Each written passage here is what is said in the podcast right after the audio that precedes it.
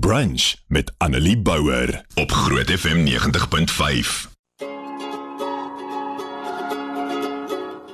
Vandag in Spreeklewe gaan ons bietjie kyk na Psalm 118 vers 24 en bietjie later na Matteus ook ek sal dit dan ook vir jou noem en uh, Psalm 118 vers 24 wat sê dit is die dag wat die Here gemaak het laat ons daaroor juig en bly wees.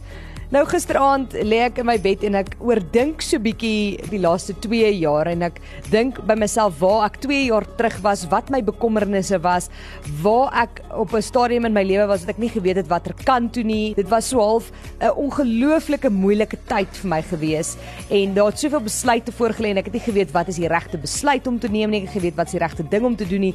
En soveel sodat ek op die ouene vir die Here gesê het asseblief wys net vir my watter kant toe. Wys vir my wat wil U hê moet ek doen? Vat u die leiding want ek het geen idee nie. En die Here het. Want as ek nou terugkyk na waar ek 2 jaar terug was, ek praat nie eers van COVID wat laas jaar bygekom het nie, dit ook nog. Dan kan ek nie glo dat ek vandag is waar ek is nie. Wat ek in my lewe doen, waar ek trek, het ek nie bepaal nie. Dis nie eers iets wat ek vir myself gedroom of kon uitdink het nie. Die Here het my ongelooflik geseën En toe besef ek op 'n stadium dat ek wonder hoeveel keer ons vir 'n oomblik gaan stil staan en ons seëninge tel. Vir 'n oomblik gaan stil staan en kyk wat het ek vandag? Waaroor was ek bekommerd wat nou opgelos is? Wat het ek vir die Here gevra wat nou uitgewerk het op 'n manier wat ek nie eers self kon uitdink of kon opdroom nie.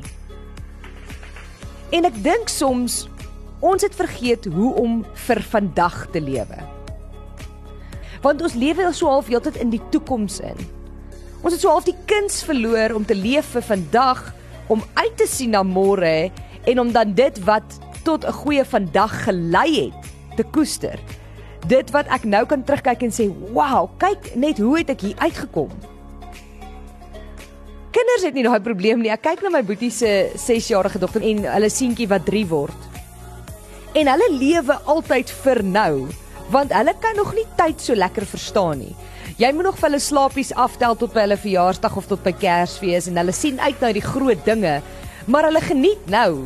Hulle gaan nou skool toe en hulle hou van die kos wat hulle nou eet en die sweetie wat hulle nou kry en die speletjie wat hulle nou kan speel en die maatjie wat ek nou het. Ons kan so baie by kinders leer want iewers as groot mense verloor ons daai misterie. Iewers as groot mense verloor ons daai uitkyk op die lewe waar jy na alles om jou kyk vandag met sulke groot verwonderde oë. Ons het so baie aanhalings soos carpe diem, gryp die dag en tog doen ons dit nie noodwendig nie. Dis vir ons moeilik om vandag voluit te leef Ons leef maar almal vir môre of iewers in die toekoms en maak in alles voorsiening vir môre in plaas van vir vandag. Daar's niks fout daarmee om voorsiening te maak vir môre nie, maar kyk ook na vandag. Makelaars vertel vir jou om soveel as moontlik vandag op sy te sit vir môre. Bekommerd oor môre, werk vir môre, stres vir vandag. En dan kyk ons terug na foto's van 'n jaar, paar jaar terug of toe ons jonger was, dan praat ons van die goeie ou dae. Ons so, wow, kyk hoe lekker was daai. Ek wil dit weer hê. En dan besef ek, maar het ek op daai stadium regtig besef hoe goed dit is? Het ek so voluit in daai oomblik geleef of wys die fotos en die herinneringe nou dit vir my? So ons werk ons vandag oor 'n mik om môre beter daaraan toe te kan wees. Miskien is deel van die probleem dat môre 'n misterie is en dan vergeet ons so half van vandag. Dis hoekom Psalm 118 vers 24 sê, dit is die dag wat die Here gemaak het. Laat ons daaroor juig en bly wees. Wees bly vir vandag, want hierdie is die dag. Hierdie dag is hier. Oor môre weet ons nie. Ons weet nie eers of ons môre hier is nie. Miskien is daar dalk ook bietjie daarom vrees vir môre. Ons jaag vir rykdom van môre en ons mis die genietinge van vandag. En dan hak ons natuurlik net so erg by gister vas, soos ek nou gesê het, want dan is dit maklik om terug te kyk en te sê, "Wow, kyk hoe great was daai. Kyk hoe lekker het ons hier gelag. Kyk wat het ons hier gedoen." Maar toe dit vandag was, wonder ek, mm, "Het ek regtig so in die oomblik gelewe soos dit nou vir my voel?" Hoe dikwels praat jy nie dalk ook van die goeie ou dae nie, toe dit beter was nie? Waarna verlang jy terug in die verlede? Wat was soveel beter dat jy dit sal wil terug hê? Was dit regtig beter? Of het jy dalk toe geweet dit is beter? Of het jy toe ook teruggekyk? Ons is so vasgevang tussen die bekende van gister en die misterieuse van môre dat ons dalk net nie weet wat om met vandag te doen nie. En dan kom ons by Matteus 6 vers 34 wat sê: "Julle moet dus nie oor môre bekommer nie, want môre bring sy eie bekommernisse." Doen vandag iets sinvol of lekker, iets wat jy kan geniet. Gaan drink koffie saam met jou lewensmaat.